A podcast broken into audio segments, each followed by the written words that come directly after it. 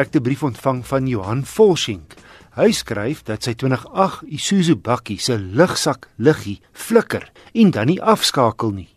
Hy het die bakkie al 5 keer by handelaars gehad, maar sonder sukses. Nou vra hy, sal die lugsakke werk as die veiligheidsgordel ingeprop is al brand die liggie? Kom ons hoor wat sê Nicolou. Hy is die tegniese redakteur van die tydskrif Kar. Ja, wissel, um, ek wil net vir Johan sê natuurlik daai liggie um, op die instrumentpaneel wys dat daar 'n probleem met die stelsel is. Maar 'n bietjie agtergrond net oor lugsakke en die stelsel. Lugsakke is werk saam met jou veiligheidsgordels om vir jou veiligheid in die voertuig te verseker.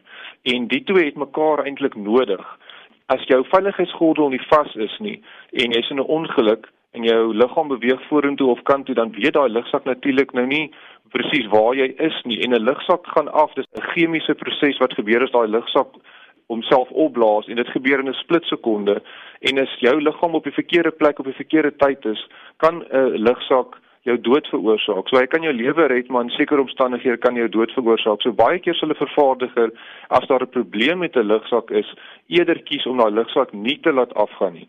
Nou in die geval van die Isuzu bakkie met die liggie aan, het ek al van tevore gehoor daar is probleme waar daar 'n loskonneksie kan wees onder die uh, bestuurder sitplek waar jou sitplekgordel dan inskakel moet dan die baan voltooi vir jou lugsak om te kan aktiveer. En as daar 'n loskonneksie is in die lugsak beheerstelsel weet nie of die bestuurder dan nou vas of los is nie, dan sal daai liggie aankom en die feit dat Johan vir ons sê die liggie kom aan en af sê vir my dit dui ook op 'n loskonneksie.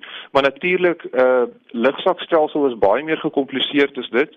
'n lugsak het ook 'n klein beheereenheid en veral in jou moderne voertuie wat baie lugsakke het, kantlugsakke, voorlugsakke, knielugsakke en daai beheereenheid kry inligting van baie sensors af. Hy moet weet hoe vinnig die kar ry, hy moet weet tydens 'n ongeluk hoe hoe erg is daai die versnelling in die natuurlik die teenoorgestelde rigting en natuurlik ook is die voertuig in 'n vorentoe uh, oriëntasie, is hy besig om te rol, is hy besig om na die kant toe te gaan. So al daai inligting word dan ook versamel en dan moet hierdie beheereenheid besluit watse lugsakke gaan afgaan en watse volgorde om dan die optimum beskerming aan die mense binne in die voertuig te te verskaf.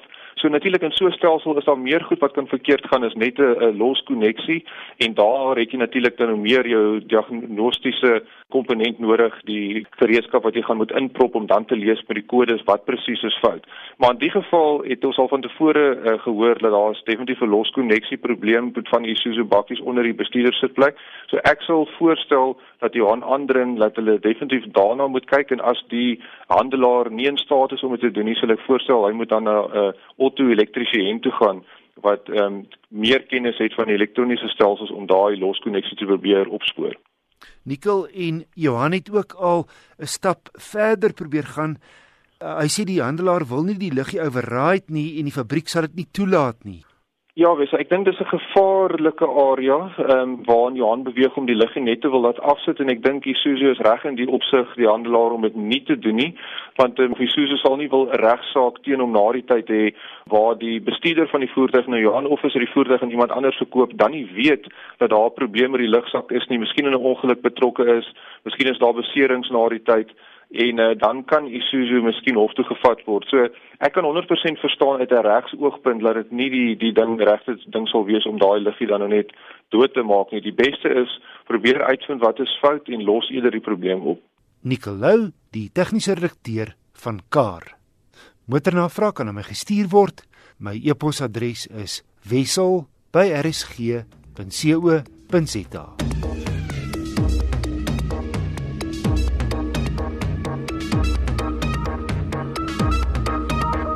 Volvo se groot nuwe S90 laat die koppe draai. Besef ek toe ek my agter die stuur van die D5 dieselmodel tuis maak. Net 'n rups onder 5 meter lank met 'n byna hoekige ontwerp en perfekte sedanproporsies. Het 'n groot reghoekige sierrooster en Volvo se nou reeds bekende Hammer dagryligte. Agterlangs nogal breë hoekige C-vormige ligte En dis dalk al omstrede stileringsaspek, want dit kom redelik swaar voor, maar is tog treffend. Die imposante sweet is 'n vars bries tussen die Duitsers wat so eners lyk. Dis dikwels moeilik om Mercedes, BMW en Audi se klein, medium en groot sedans van mekaar te onderskei. Trouwens, die S90 laat die Duitsers maar vaalerig lyk. Die S90 se kajuit is 'n baie smaakvolle, elegante en luukse plek om in te wees. Dis 'n revolusie by Volvo wat met die XC90 Sportnuts begin is. 'n Groot tablettipe aanraakskerm. In die middel van die paneelbord is intuïtief en regtig maklik om te gebruik. Satellietnavigasie kom gratis in al die S90 modelle. Hierdie inskripsiemodel het volop wat lyk na sulke fyn gewefte aluminium in die kajuit wat saam met die leer lieflik lyk en voel.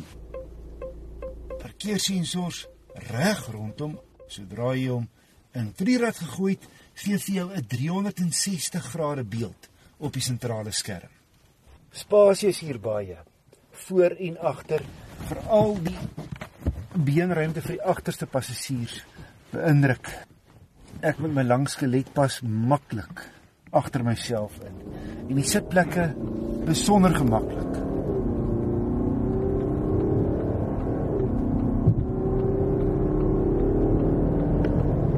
Die D5 trek met al vier wiele sy 2 liter diesel met twee turbos skop 'n allemintige 173 kW en 480 Nm wrinkrag uit.